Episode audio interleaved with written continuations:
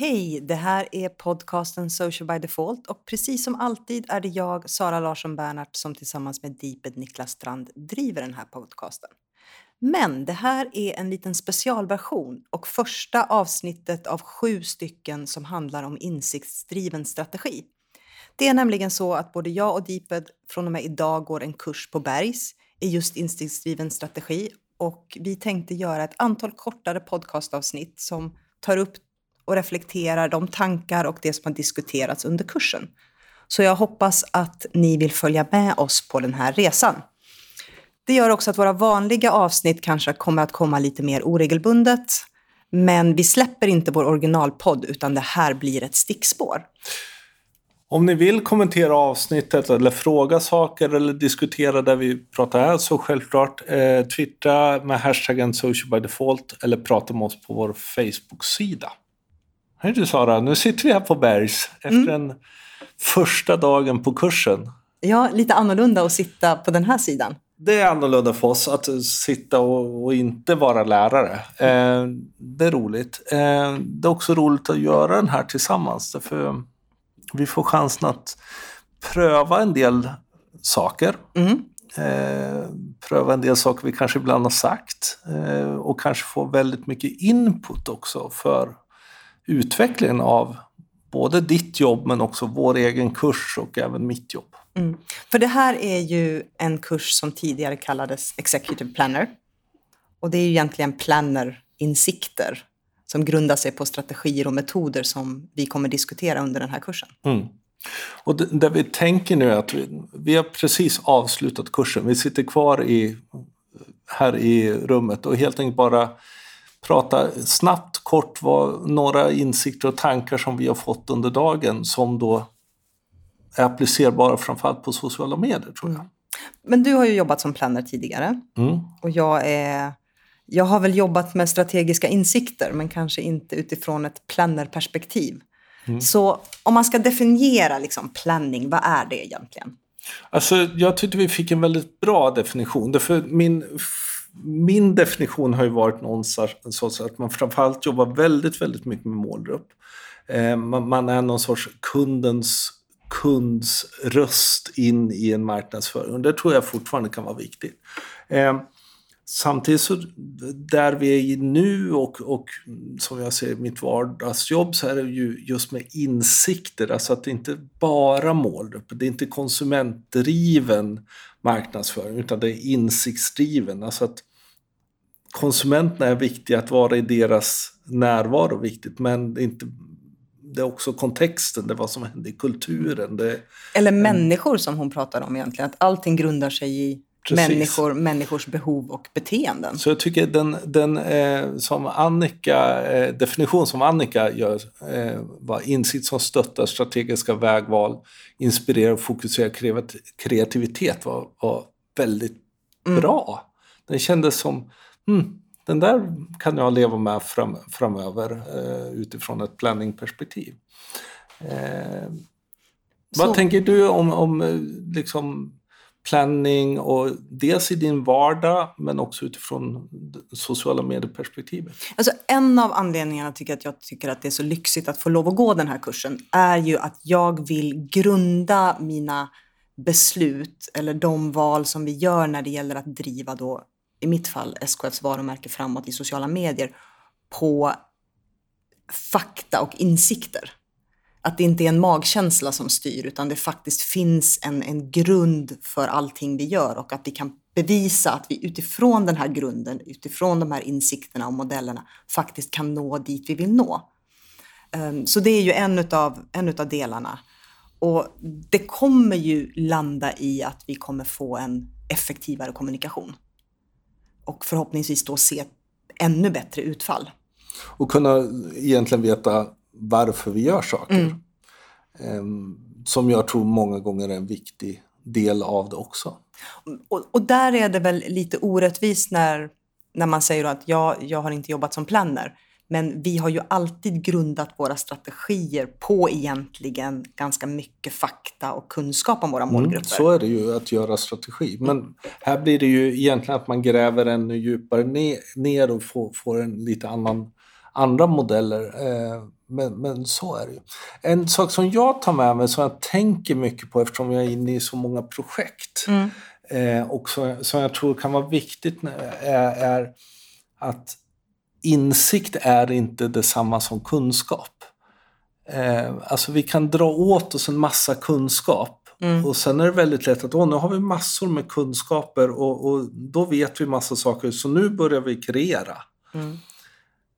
Insikter handlar ju om att ta den här kunskapen, filtrera den och analysera den och någonstans kom, få någon sorts liksom, eh, sammanfattande och kanske egentligen en, just en insikt som inte finns i kunskapen men som har skapats utifrån all kunskapen tillsammans. Lite, om man ska dra en ganska konstig parallell, men lite det här att vi kan samla ihop massa data. Men kan vi inte analysera datan och vet hur vi ska agera på den utifrån den, det svar som datan gör, så kommer vi inte heller kunna nå de målen vi vill. Nej, precis. Och, och det är en ganska viktig del att, att eh, ta med in i när, när man jobbar oavsett egentligen vilket projekt man jobbar. Att, jag menar, vi gör väldigt gärna mycket research men frågan är om vi hanterar kunskapen på ett sätt som gör att den faktiskt ger insikter eller blir det bara kunskap som vi sen bevisar våra idéer på? Men det här, det här tycker jag är en av de svåraste sakerna. Då, liksom. Hur djup research ska man göra? Hur många olika kunskaps... Vad ska man säga? Datapunkter. Ja, ska man ta tillvara på eller ta in i analysen för att kunna göra en, en valid analys på det? Mm. För jag menar, jag kan ju någonstans välja att plocka data om jag vill nudga mig själv i en rätt riktning. Liksom, Hur bred ska den här skopan ehm, analys vara för att, bli, eh, för att fungera? Mm. Och det där är ju, tror, tror jag, nästan är omöjligt att svara på. Och samtidigt är det ofta att antingen så hamnar man i en situation där man lägger alldeles för mycket tid på research. Mm. Och sen får man tidsbrist i analysen eftersom man måste ju hinna göra i hela idéarbetet. Alternativt så slarvar man kanske helt enkelt med research och tycker att ja, det, det här räcker. Analysen blir därefter. Mm. Eh, och idéarbetet kommer att hamna väldigt mycket i att man försöker by, by, bygga ett eh, slagskepp av tre tändstickor. Men, och det här är ju, det här är ju både spännande och, och lite frustrerande just eftersom vi jobbar med datadrivet. Vi kan ju få otroligt mycket fakta och information. Mm. Och det gäller ju också någonstans då att avgränsa sig. Precis. En annan grej som, som är intressant där du tog upp och som vi pratat i den podcast som ännu inte kommit ut är ju det här med, med eh, lekfullhet och kreativitet grundat på då strategi och data och sådana saker. Mm. Ehm, där vi båda har ju diskuterat mycket och, och funderat på liksom, vart tog den där, alla de där roliga kampanjerna vägen? Vart tog magkänslan vägen? Spännande kampanjerna vägen. Vad tänker du efter det idag? Alltså, fortfarande lite tveksam till om vi ibland kanske kan drunkna i för mycket data. Men samtidigt som vi måste lära oss att använda de här insikterna om målgrupperna och beteenden och så för att faktiskt våga göra det kreativa. Att bara för att vi samlar in massa data så innebär ju inte det att det ska hämma vår kreativitet. Det ska snarare leda till att kreativiteten blir mer precis. Och jag tror att vi har tappat tappat det på vägen någonstans.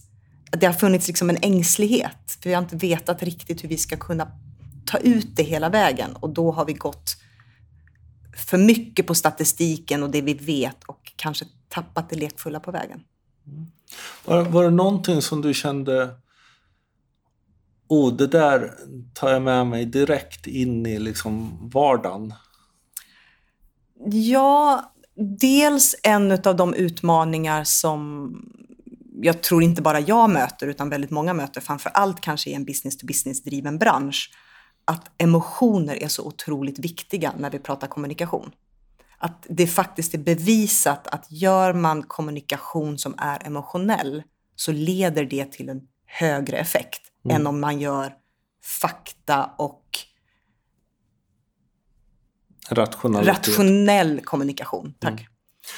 Precis, och där har, tog hon då upp eh, Kahneman eh, som är på fortfarande väldigt intressant och samtidigt väldigt trendig att prata om system 1 och system 2 eh.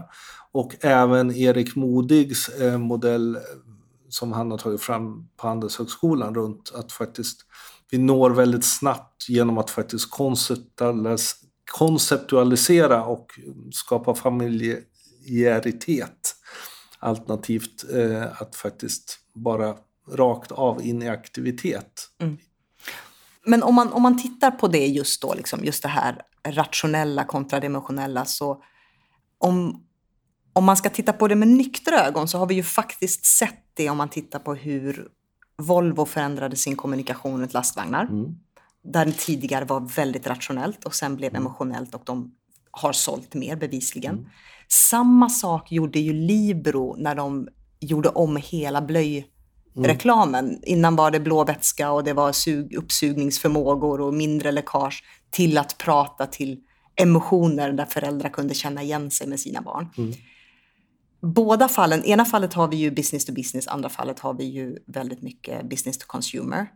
Men ändå tillbaka till det här liksom insiktsdriven strategi och planning, att det faktiskt handlar om människor och människor tar beslut. Mm. Det gäller ju att vi kan föda in det då i organisationen, för jag tror ju att en typisk business to business-bransch som alltid har skapat rationell, faktabaserad mm. analyskommunikation måste våga närma sig det emotionella. Och där tror jag Och det märktes ju bland de som framförallt mest jobbat med business to business i klassen. Att det var, blev liksom svårt. Det blev, blev ja, men, är det verkligen så här? Mm. Eh, och, och, det är väldigt spännande för just att se, men vi vill gärna vara rationella. Eh, och jag menar mycket av våra beslut innebär ju att vi tar ett beslut egentligen på väldigt vaga emotionella eh, grunder. Men sen rationaliserar vi besluten i efterhand. Så kan det ju vara. Eh, och, och, det är ju ett ganska vanligt sätt. Alternativt att man så att säga, egentligen har tagit sitt beslut men måste ändå sätta sig och rationalisera och hitta bevisen för och bli, när man får lov att faktiskt ändra sitt beslut så känns det inget bra. Därför man ville ha den där lägenheten. Det där var ju egentligen den bästa. Så människan är ju aldrig rationell från början utan använder ju rationalitet mm. för att validera saker. Mm. Eller så har man gjort det här rationella, man har vägt två val mot varandra och så när du väl ska välja det sista, ja men då kommer emotionen in. Mm. Och då kommer ju nudging som vi kommer att prata om mm. framöver. Så ja, det är spännande. Um, och jag, jag, jag, tror det här är jätteviktigt när man jobbar med eh, vardagskommunikation i sociala medier. Mm. Att man faktiskt vågar göra de här tänket hela vägen. Mm.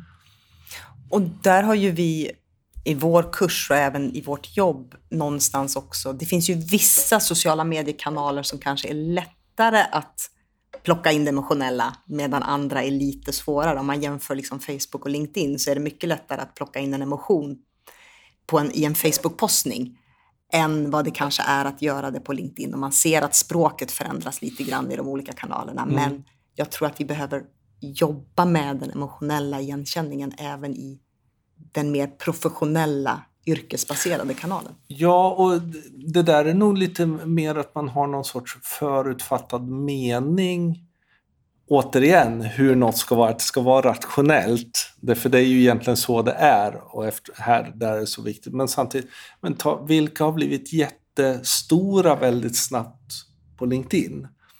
Det är ju liksom eh, personer som faktiskt är ganska emotionella när de skriver och berättar. Det är ju inga som sitter och skriver liksom avhandlingar och dokumenterar utan det är liksom Nej. Eh, ändå man, man, blandar in emotion, emotioner och känslor och någon sorts igenkänningen att, att jag som människa får plats i, i diskussionen. Men som privatperson så är det enkelt.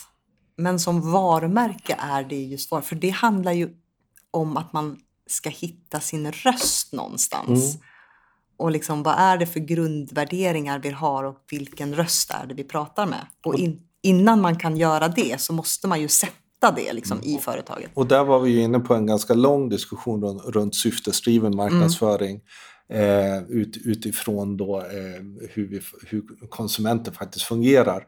Eh, väldigt spännande. Jag är inte helt säker att jag höll med om, om alla, alla delar. Men, men det som jag kan tycka var intressant där, det var någonstans att vi behöver både vara legacy-driven, alltså att någonstans bevisa att vi faktiskt har grundläggande värderingar. Då kan vi hoppa på, vad ska man säga, trender eller så att säga Därför grundar de sig i våra värderingar så blir vi trovärdiga. Men gör, de inte det eller vi har inte pratat om våra grundvärderingar, ja, men då blir det bara ett sånt här skott i natten. Och också att det behöver genomsyra hela organisationen. Mm. Att det inte bara är marknadsavdelningen som kommer upp med något käckt och så, så gör man det. Och det blir ju legacyn, ja. för det, det blir ju svårt att bevisa en legacy utan att det faktiskt är så. Och här är ju egentligen en, en fundering på hur duktiga är företag att kommunicera sin legacy internt? Mm. Mycket intressant. Eh, för där tror jag att man kanske missar. Man gör det en gång, men man gör det inte kontinuerligt. Och, och då blir det lite grann som en schweizerost, Mm. faktiskt. Mm. Ja, det ska bli spännande här, hör du. Ehm, Sju veckor, sju veckor. eller nio veckor egentligen, men Ja. två stycken uppehåll. Dels är det ju höstlov och sen eh, som tur var så var det av någon anledning uppehåll när vi faktiskt har internetdagarna.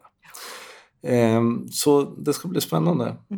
Och hoppas att ni vill följa med oss på den här resan. Vi kommer, precis som vi sa i introt, att göra kortare reflektioner efter varje kursomgång. Mm. Och sen kanske en lite längre eh, på slutet. Mm. Och de kommer vara ganska råa helt enkelt därför för att hinna få ut det här. Därför vi ska ju också göra ett projektarbete Ja. mitt i allt det här på den här kursen.